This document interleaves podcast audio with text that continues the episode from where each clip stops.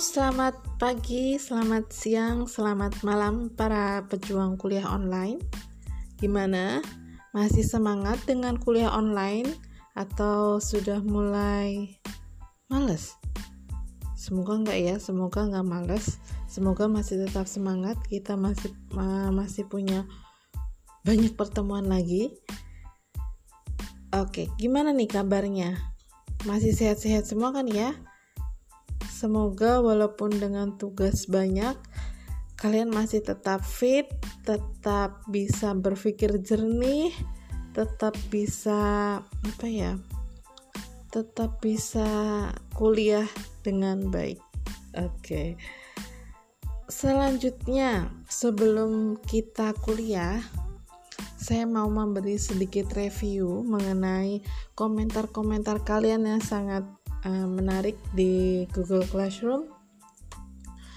Uh, ada banyak komentar yang menurut saya sangat membangun sekali, uh, positif, sehingga saya mau bikin podcast juga lebih semangat juga karena komentar-komentar kalian.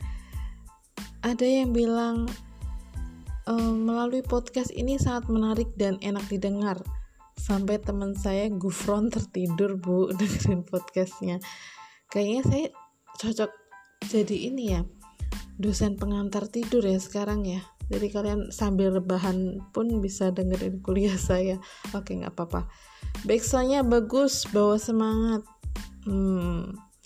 Nami, namun saya sarankan misalnya uh, saya memang menyisipkan lagu di uh, podcast namun kayaknya sih hanya bisa didengar lewat anchor ya. Tapi kalau kalian bukannya di Spotify saya nggak tahu nih. Nggak nggak akan muncul rasanya seperti itu. Ada yang bilang materi kuliahnya sangat menarik. Ternyata uh, lebih mudah dipahami. Metode ini sangat milenial bu. I'm so impressed. Oke okay. unik dalam penyampaian materi. Ada juga yang bilang Metode pembelajaran alternatif yang sangat menarik sekali Bu, cocok untuk mengatasi situasi perkuliahan online yang saat ini terjadi dan benar-benar tidak ketinggalan zaman. Oke, benarkah tidak ketinggalan zaman? Saya rasa metode seperti ini harus dikembangkan ketimbang hanya memberi file materi di Google Classroom dan karena keefektifan ini ke maka metode ini dapat menjadi contoh untuk mata kuliah lainnya. Wow. Memang kalau mata kuliah lainnya menggunakan aplikasi apa ya? Kalau saya boleh tahu. Dan plus minusnya apa ya?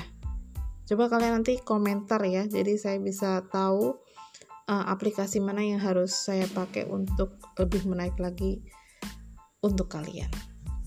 Oke, itu reviewnya sedikit mengenai yang kemarin. Terima kasih uh, reviewnya. Dan ada dari sekian banyak uh, review positif yang saya terima, saya juga menerima dua pertanyaan. Nah, saya selalu membuka Q&A ya. Jika tidak paham, silahkan tanya uh, dengan menuliskan di Google Classroom. Pertanyaan pertama. Oke, kita pending dulu sebelum pertanyaan pertama setelah yang satu ini.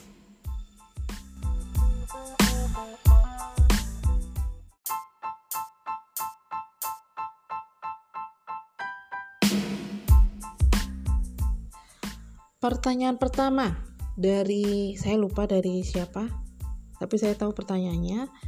Pertanyaannya adalah apa beda dormansi rangsangan atau indus dengan enforce atau dormansi dormansi paksaan? Oke, dormansi rangsangan atau indus itu adalah dorm, eh, disebut juga dengan dormansi sekunder. Artinya di sini ada dormansi yang diinduksi jadi lebih ke uh, kondisi ya kondisi lingkungan. Ketika kondisi tidak menguntungkan dia bisa gagal berkecambah. Namun uh, bisa juga seperti ini. Dia dalam kondisi yang menguntungkan pun dia bisa gagal berkecambah atau tidak segera berkecambah. Contohnya itu ya. Jadi lebih ke kondisi lingkungan Kemudian kalau yang enforce yang namanya enforce itu dari kata force berarti itu dipaksa. Mau tidak mau dipaksa untuk e, berhenti. Tipe dormansi yang menghilangkan salah satu atau lebih sumber daya yang dibutuhkan untuk perkecambahan. Contohnya adalah dormansi karena musim sehingga karena musimnya misalnya musim dingin yang sangat dingin sekali sehingga dia tidak bisa untuk berkecambah. Jadi di sini uh, tidak hanya gulma saja yang uh, dorman, namun juga semua uh, vegetasi yang di situ juga rata-rata juga dorman. Itu yang disebut dengan enforce. Memang uh, memang agak mirip ya namun uh, sebenarnya beda. Jadi kalau yang enforce itu benar-benar yang lebih uh, kuat lagi karena pengaruh lingkungan yang sangat kuat sehingga dia mau tidak mau dipaksa untuk berhenti bisa tidak hanya tidak hanya gulma itu tapi na namun juga vegetasi lainnya juga dipaksa untuk berhenti ya jangankan jangankan uh, tanaman ya mungkin kalau di musim dingin itu kan yang kalau di hewan hibernasi ya uh, hewan pun dipaksa untuk hibernasi seperti itu. Lanjut ke pertanyaan yang kedua. Penggunaan lahan intensif kok bisa lebih banyak sih Bu uh, gulmanya dibandingkan dengan hutan tropis misalnya? Karena kan dari teorinya seperti itu ya. Kenapa di penggunaan lahan intensif itu banyak? Karena yang pertama, kita kan uh, pasti menggunakan input yang sangat banyak di situ, terutama adalah penyediaan hara Misalnya kita pakai pupuk organik, pupuk kandang, dan pupuk-pupuk yang lainnya. Itu kan nutrisi dari untuk um, tumbuhan ya, termasuk juga si gulma tersebut. Kemudian mungkin juga di lahan uh, di sawah misalnya di lahan intensif misalnya sawah itu tanamannya itu tidak ternaungi. Sehingga kalau tidak ternaungi otomatis dia mempunyai sumber daya misalnya cahaya yang lebih banyak sehingga ya udah uh, dia akan tumbuh lebih bagus lagi. Beda kalau misalnya kita di hutan. Di hutan tropis itu sangat lebat sekali. Di situ yang tumbuh tidak hanya gulma, namun juga ada pohon-pohon yang besar, ada tanaman A, B, C dan banyak sekali. Nah, itu kan dia ternaungi juga kan ya. Jadi um, kurang mendapatkan sumber daya sinar matahari. Kemudian juga bisa juga karena uh, kurangnya dia kompetisi dengan tanaman lain. Jadi kalau di hutan itu kan ada banyak tanaman, ada banyak vegetasi. Nah, dia kurang kurang mampu untuk berkompetisi sehingga hasilnya adalah populasinya rendah. Nah, seperti itu ya jawabannya dari saya. Oke, sebelum kita break sejenak untuk kita lanjutkan ke kuliah.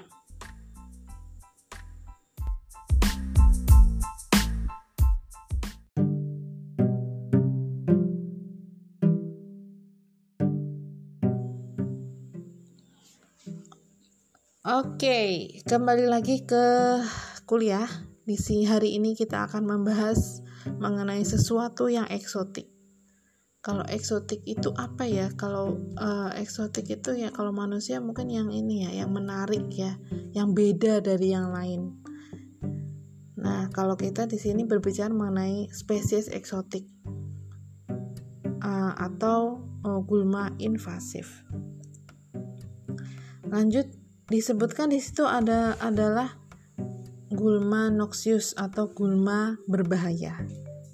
Kok ada gulma berbahaya bukannya semua gulma itu berbahaya? Ya belum tentu ya.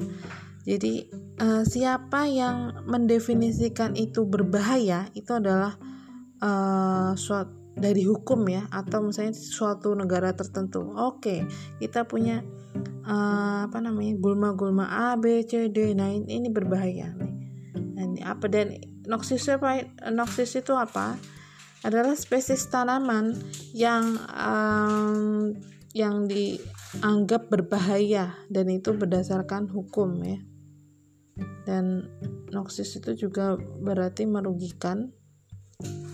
Nah seperti contoh itu ada Idaho Idaho noxious weeds itu adalah uh, gulma berbahaya di Idaho Nah, itu contohnya kalau di Idaho sana ternyata ada gulma-gulma berbahaya di situ disebutkan ada banyak sekali uh, ratusan gulma yang ada namun hanya 36 saja yang yang apa namanya yang dikategorikan berbahaya bagi uh, di Idaho sana.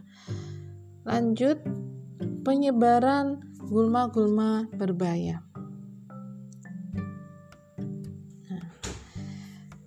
Kenapa sih gulma uh, spesies invasif itu di situ disebutkan invasive species destroying our wildlife. Spesies spesies invasif itu uh, merusak ya semuanya ya di situ ya. Di situ gambarnya adalah ikan-ikan tapi itu cuma ininya aja apa namanya ilustrasi saja. Itu merusak uh, kehidupan wildlife kita kehidupan misalnya satwa dan lain sebagainya begitu juga dengan tanaman uh, jadi keberadaan gulma-gulma berbahaya tersebut juga akan menurunkan uh, fungsi ekologi dari ekosistem.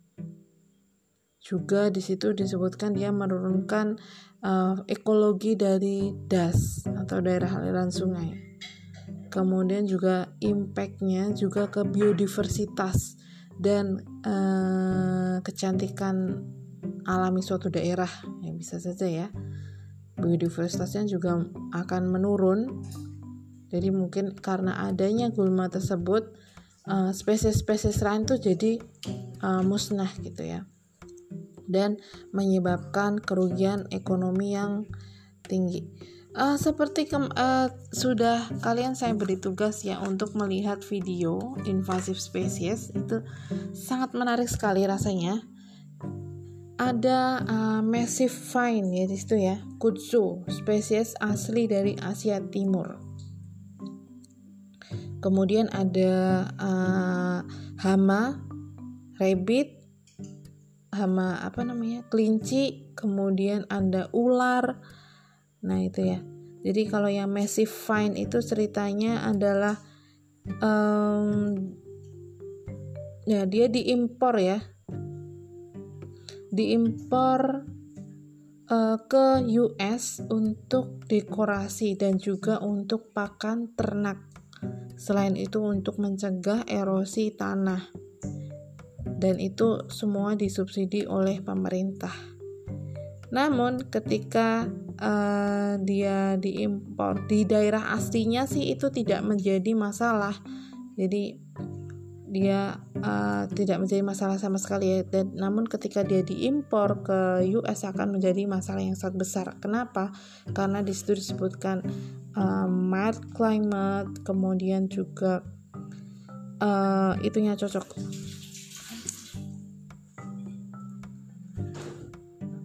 Cahayanya sesuai, kemudian juga tidak ada musuh alami di sana, sehingga dia tumbuh subur dan uh, uncontrolled di situ, malah tidak terkendali. Yang uh, disebutkan di video itu adalah the plant that ate the south, jadi tanaman yang makan daerah selatan nah itu ya itu sampai segitunya ya jadi dia menghancurkan spesies-spesies uh, asli yang ada di situ kemudian juga di video tersebut ada ular yang diimpor dari Asia. Kemudian juga ada kelinci ya. Kelinci yang yang kemudian uh, pada waktu itu kelincinya itu diintroduksi ya ke Australia. Awalnya karena manusia itu uh, suka untuk berburu. Kemudian diintroduksi eh ternyata malah tambah di sana populasinya jadi sangat meledak sekali sehingga banyak sekali sehingga kalau kebanyakan juga kan kita repot ya malah menjadi hama ya Selain itu, diperparah, dia mengintroduksi kelinci ke Australia tidak diikuti dengan uh, predatornya misalnya. Predatornya tidak ada. Otomatis gimana kalau predatornya tidak ada kan? Dia hidup dengan tenang saja ya. Jadi hidup aman sentosa. Sehingga uh, dia bereproduksi terus-menerus. Nah, gitu ya. Jadi uh, yang adanya introduksi dari spesies itu juga akan juga akan uh, menimbulkan ketidakseimbangan ekosistem. Oke, lanjut ke um, jadi spesies gulma intinya dia berbahaya ya bagi semua segmen masyarakat, tidak hanya peternak, petani, nelayan dan lain sebagainya. Kemudian ketika tidak dikelola, mereka akan menyebar dengan cepat tanpa henti dan diam-diam. Ya, menyebar sangat cepat sekali. Lanjut, eksotif invasif spesies itu lebih dari uh, tanaman Maksudnya di sini yang yang namanya spesies invasif atau eksotik itu tidak hanya tanaman saja. Ternyata hewan, kemudian um, hewan, kemudian mikroba, virus dan lain sebagainya itu juga bisa uh, apa namanya? juga di, juga bisa menjadi spesies yang invasif jika dia masuk ke daerah yang baru. Ya mungkin kalau uh, kalau yang uh, kasus yang sekarang ini adalah ada virus COVID-19 itu kan sebelumnya tidak pernah ada kan ya di Indonesia. Dan kemudian dia masuk ke Indonesia tanpa sengaja ya tanpa sengaja. Uh, dia terbawa oleh karena apa namanya transport dari eh transport ya transportasi atau perpindahan manusia dari satu negara ke negara lain, dari tidak sengaja terbawa. Nah, itu mungkin juga bisa dikatakan sebagai spesies invasif. Nah, kemudian invasi spesies ini um, organisme yang uh, dia keluar dari wilayah aslinya, sebenarnya itu ya. Dan uh, nama lainnya itu ada banyak ada nama uh, nama lainnya adalah alien, ada foreign, ada non indigenous. Jadi semua itu adalah nama lain dari eksotif. Ek, bisa eksotik, bisa invasif, alien, foreign, non indigenous itu sama semuanya ya. Kemudian dan invasi spesies ini banyaknya juga adalah terbawa oleh manusia. Misalnya kalau tanaman atau hewan itu bisa melalui perdagangan gitu atau bisa diambil karena dia memang sengaja diintroduksi ke misalnya ke Indonesia karena keindahannya. Misalnya seperti itu. Um, oke okay. invasif alien species. Spesies yang diintroduksi secara sengaja maupun tidak sengaja di luar habitatnya. Dan mereka mempunyai kemampuan untuk um, dia apa namanya tumbuh secara bagus menginvasi dan mampu berkompetisi dengan spesies aslinya sehingga dia uh, take over dari uh, lingkungan barunya. Seperti yang terjadi di yang um, di kudzu tadi ya di apa namanya tanaman massive vine tadi misalnya ya. Jadi dia di, dia diintroduksi ke US uh, sebagai tanaman dekorasi. Eh kemudian dia di US dia berkembang bagus sekali sampai dia menginvasi semua uh, apa namanya mengambil alih uh, dari tanaman-tanaman asli yang di situ. Jadi tanaman-tanaman yang lainnya itu mati gitu. Yang hidup hanya tanaman itu saja. Kemudian yaitu karakteristik tumbuhnya dia mampu untuk mendominasi ekosistem dan itu pasti akan menjadi adanya uh, gulma invasif itu akan mengancam konservasi dan juga biodiversitas tidak hanya lokal, regional dan global. Nah ini ada contoh invasif alien spesies di USA. Ini sudah ada websitenya. Kalau silakan diklik ada apa di situ silahkan dipelajari. Uh, kalau di Indonesia saya belum menemukan hmm, apa namanya website khusus yang me menjelaskan mengenai invasif alien species ini. Namun uh, saya uh, saya mendapatkan ada beberapa dokumen ya yang menjelaskan mengenai invasif alien species, terutama tanaman dan hewan itu dari karantina tumbuhan. Lanjut, um, oke. Okay. Jadi manusia tersebut manusia itu mengintroduksi uh, tumbuhan Oke. Okay. mengintroduksi misalnya tanaman baru itu mungkin gara-gara ininya ya um, kita ambil uh, bijinya benihnya misalnya oh oh di sini oh, kita nggak punya tanaman ini nih misalnya kemudian oke okay, kita bawa kita bawa bijinya kita bawa benihnya nah di benih tersebut misalnya dia masuk ke Indonesia. Kan belum tentu benih tersebut bagus kan ya? Bisa saja di dalam benih tersebut sudah mengandung misalnya nih ya patogen patogen patogen itu adalah penyebab penyakit misalnya bakteri. Di di biji tersebut bisa uh, mengandung bakteri yang belum ad, pernah ada di Indonesia. Nah itu juga berbahaya. Itu juga juga bisa dinamakan dengan uh, invasive alien species. Nah, jadi itu dari biji mungkin juga karena ornamentalnya. Oh ini nih uh, tanaman ini bagus nih gitu. Misalnya seperti tanaman enceng gondok itu sebetulnya itu adalah bukan tanaman asli Indonesia.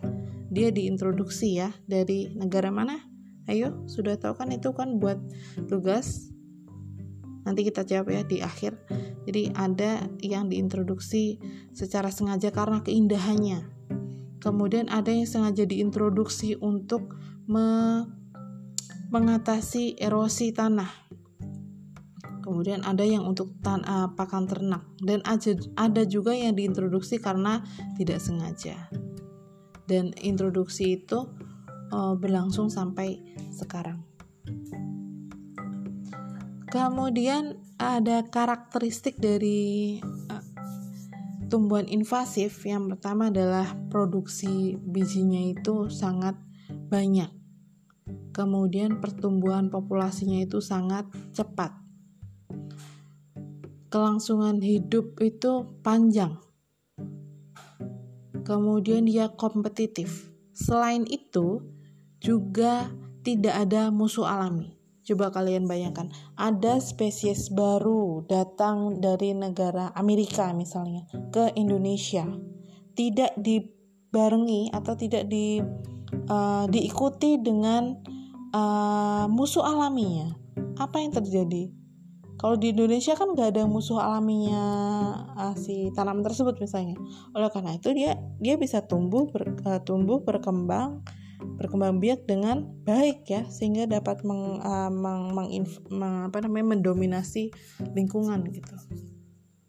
Dapat menyebabkan kerugian ekonomi dan juga lingkungan dan lain sebagainya. Ya oke lanjut kita ke gulma invasif di Indonesia. Ternyata di Indonesia ini juga banyak gulma-gulma yang invasif yang gulma-gulma yang bukan asli Indonesia. Dia asli dari negara entah berantah gitu ya. Oke. Setelah ini kita kembali lagi. Kita minum sejenak. Kita menghela nafas dulu. Dan oke, kita dengarkan yang satu ini.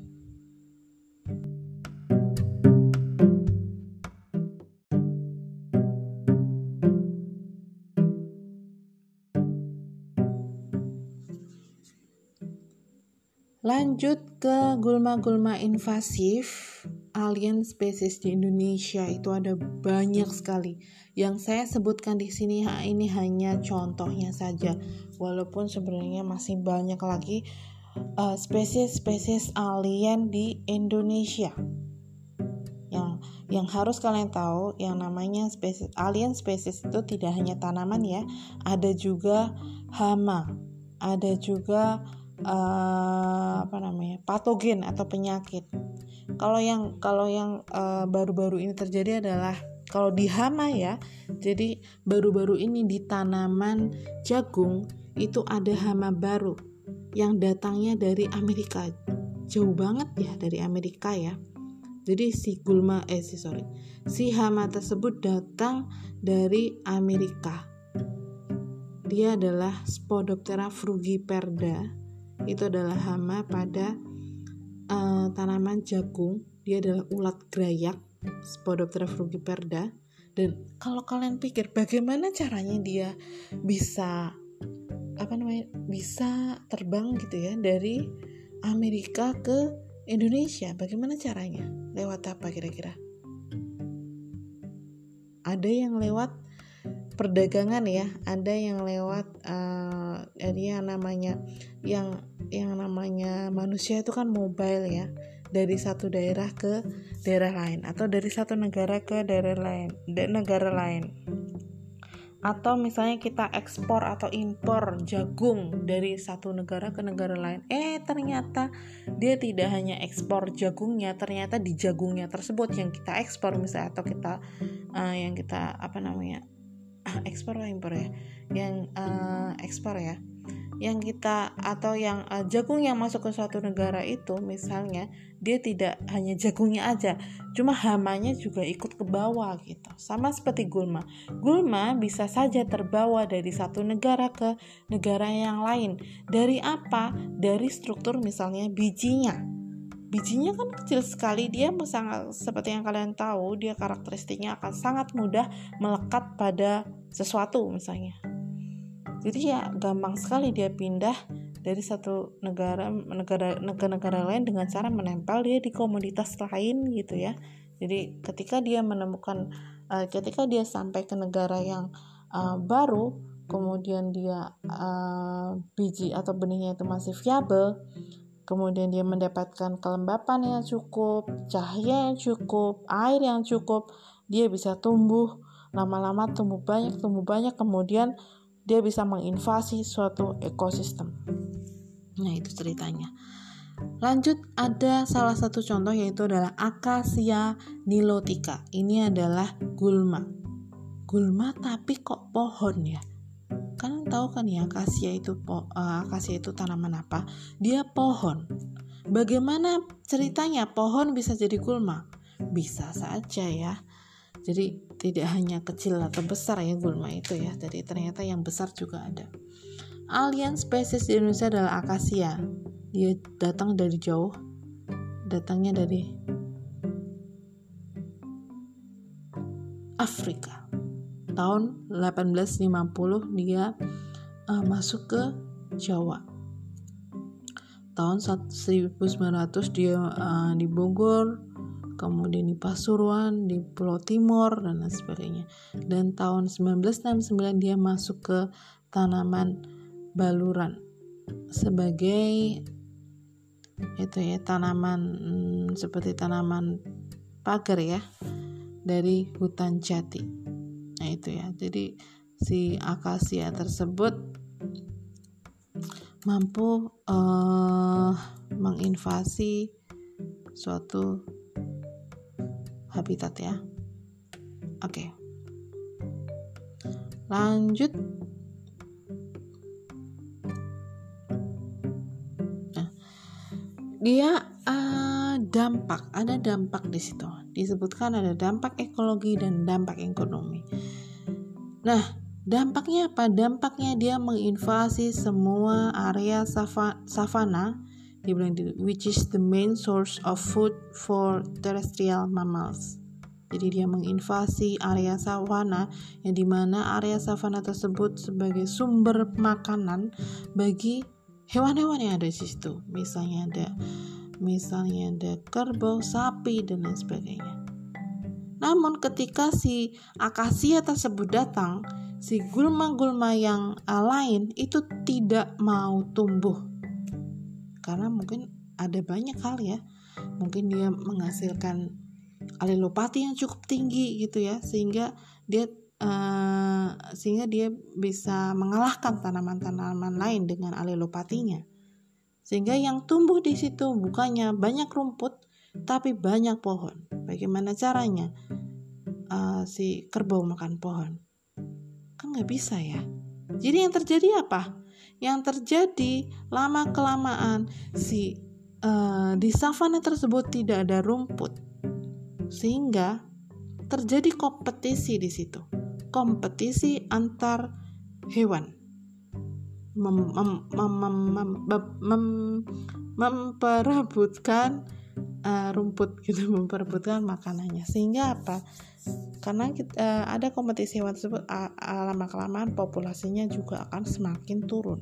Nah itu ya. Nah itu uh, ada disebutkan di situ hanya dalam tiga tahun saja itu uh, bisa mencapai itu ya tahun 96 mencapai 5000 hektar. Kemudian economic impactnya apa? Dia uh, penanganannya sangat biayanya tinggi untuk apa namanya untuk mengatasi penyebarannya itu sangat tinggi. Dan juga sangat tinggi karena untuk memulihkan habitat uh, uh, memulihkan uh, fungsi ekologi yang yang seperti yang sebelumnya itu susah. Lanjut ke kirinya anda dia native Amerika dari aslinya dari Amerika. Jauh-jauh ya kirinya dia diimpor ke Bogor Botanical Garden. Dan sekarang ditemukan tidak hanya di Jawa Barat juga di semuanya ada. Termasuk ada di Gunung Gede dan lain sebagainya. Dan di Bengkulu dia uh, mengganggu hutan ya termasuk tanaman dan lain sebagainya. Jadi ini kirinya kalau ingin lebih jelas lagi silahkan googling di uh, internet kalian. Apa sih? Uh, uh, yang mana sih gulma ini? Eupatorium ini. Oke ngomong-ngomong kalian kan juga ada ini ya ini mata kuliah apa sih? Uh, dasar biotik dasar biotik tanaman ini sebenarnya ada ada ini ya ada materi mengenai aduh sorry ada tugas mengenai insektarium ya. Saya jadi keingetan tugas kalian. Um, untuk insektarium saya rasa akan susah untuk dikumpulkan apalagi dalam kondisi yang serba kalian tidak bisa ke mana-mana. Kalian kalian harus diam di rumah rasanya tidak mungkin. Dan yang paling memungkinkan adalah herbarium Nah, herbarium ini bisa kalian uh, buat dengan ada ada ini ya, ada take home assignment 2 ya kalau nggak salah ya di Google Classroom. Silahkan dicek kembali. Isinya apa saja? Apa yang harus dikumpulkan? Gulma apa saja? Silahkan dicek. Nah untuk insektarium saya coba saya perlu pendapat kalian bagaimana untuk insektarium ini? Karena saya tidak bisa memutuskan sendiri. Saya perlu pendapat kalian. Nah tolong di komentar di bawah ini. Eh bukan di bawah ini. Di di itu ya di Google Classroom di setelah podcast ini ya. Oke. Okay. oke. Okay. tenggorokan saya sudah mulai kering. Rasanya saya perlu yang segar-segar sebelum saya lanjutkan. Hmm, saya mau ambil minum dulu ya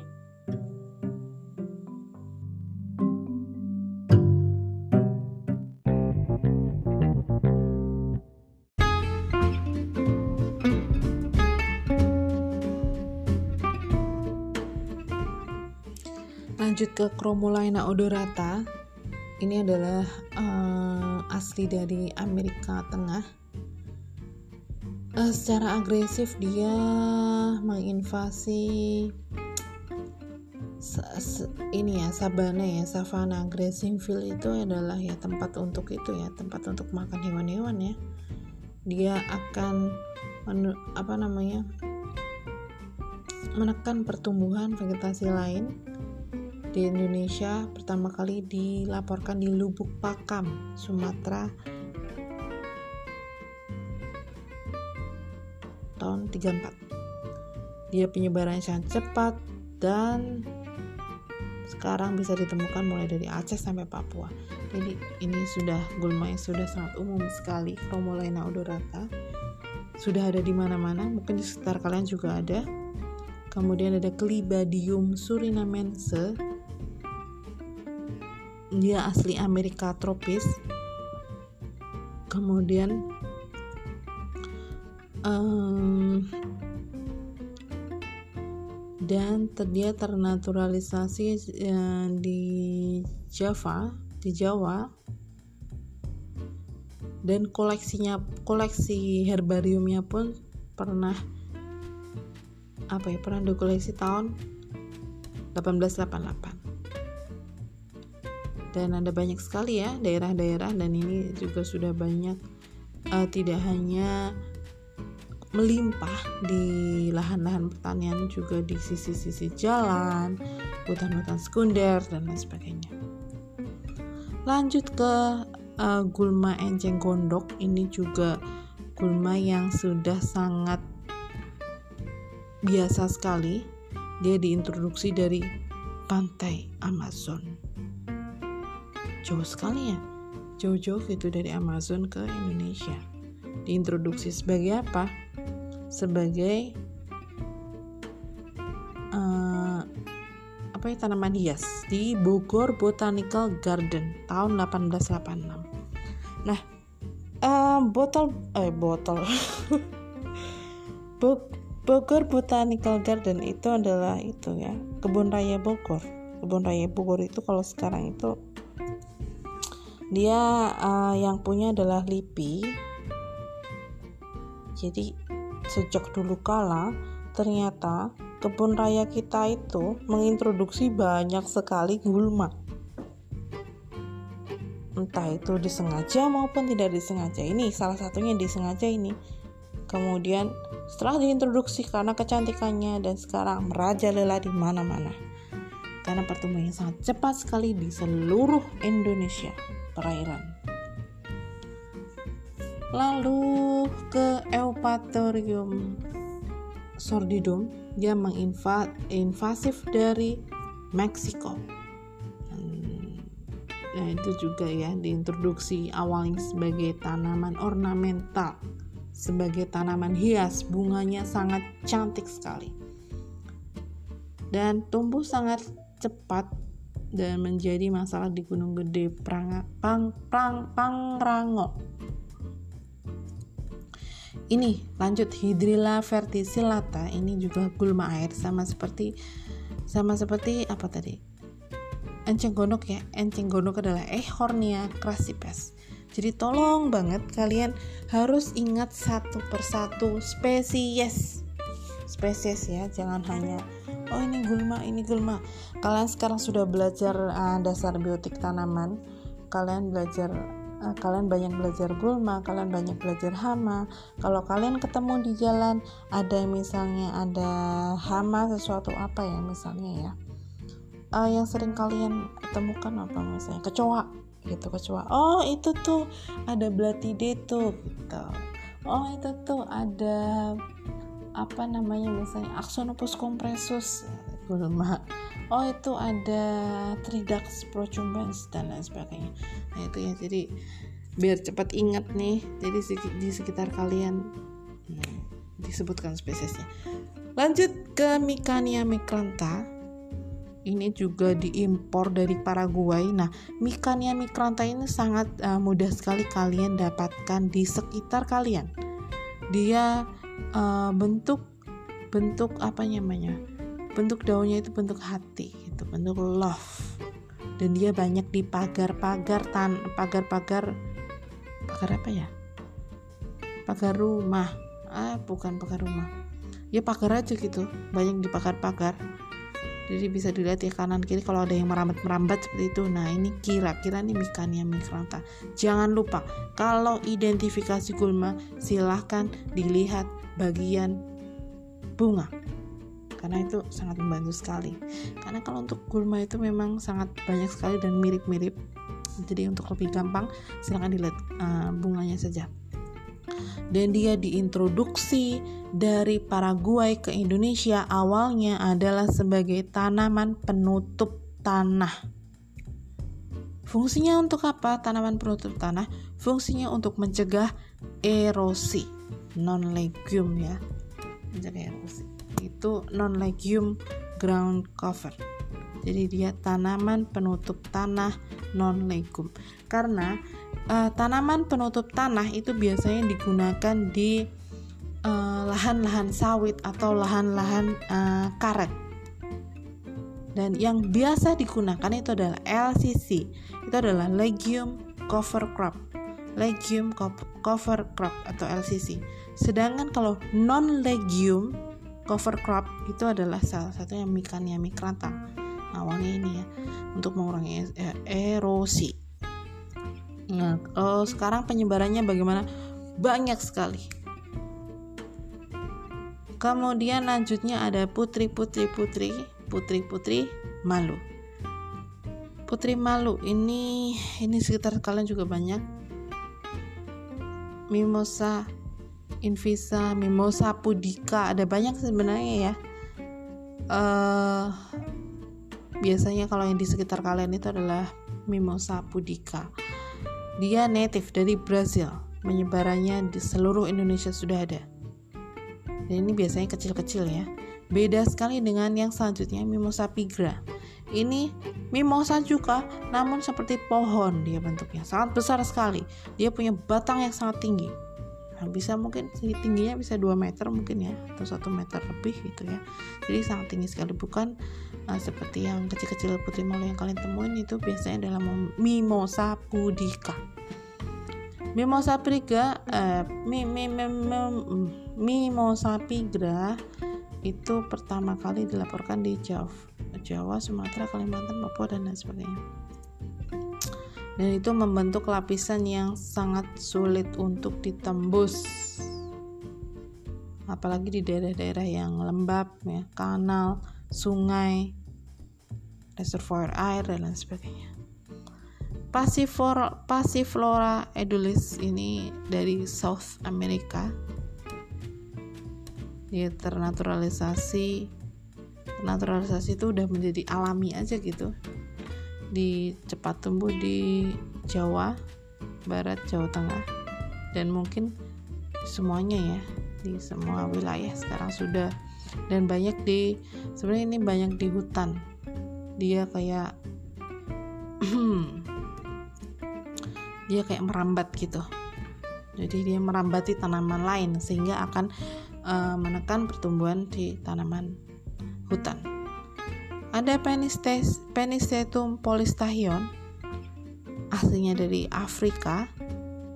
Kemudian penyebarannya sudah sangat banyak, banyak, banyak sekali di sisi-sisi jalan, di tempat terbuka, kemudian di lahan padi gogo, kemudian ada di lahan perkebunan dan lain sebagainya dan ini menjadi dominan pada lahan bukan hutan yang baru. Biasanya kalau hutan baru dibuka itu kan ditumbuhi oleh gulma-gulma ya. Salah satunya akan ditumbuhi oleh ini.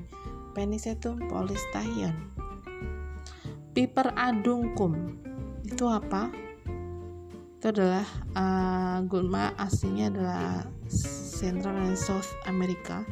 Dia lagi-lagi diintroduksi di kebun raya Bogor Herbarium ditemukan di Kebun Raya Bogor tahun 1900-an dan sekarang menyebar di antero Indonesia. Dan uh, berbahaya karena ya penyebarannya sangat cepat. Dan piper adungkum ini contohnya ya dia digunakan sebagai pestisida nabati ini biasanya nih piper adungkum. Jadi tanaman-tanaman yang uh, tanaman-tanaman yang biasanya kelihatan sehat nggak pernah sakit itu ya biasanya dipakai untuk bahan-bahan untuk membuat uh, pestisida nabati untuk hama. Jadi pestisida dari tumbuh-tumbuhan gitu. Nanti kita akan pelajari ya. Di semester lain. Eh di sorry di semester lain. Bukan di mata kuliah lain. Oke, kita berada di penghujung pertemuan. Yang terakhir ini adalah kuskuta apa itu? Silahkan dijawab. Kemudian ada take home assignment. Silahkan dikerjakan karena uh, take home assignment ini sangat membantu sekali untuk pemahaman kalian dalam mata kuliah ini. Saya harap walaupun saya jauh dari kalian, namun uh, kita merasa dekat ya. Kita rasanya kuliah face to face gitu. Saya kayak ngomong langsung ke kalian. Semoga bener-bener nyantol ya di otak kalian jangan lupa belajar sebentar lagi kita ujian UTS dan ada ujian uh, praktikum yang sudah nanti disiapkan oleh asisten oke sampai jumpa lagi di lain kesempatan selamat ujian dan sekian dari saya Wassalamualaikum warahmatullahi wabarakatuh. Jangan lupa kalau ada pertanyaan, komen, komen, komen, komen. Oke?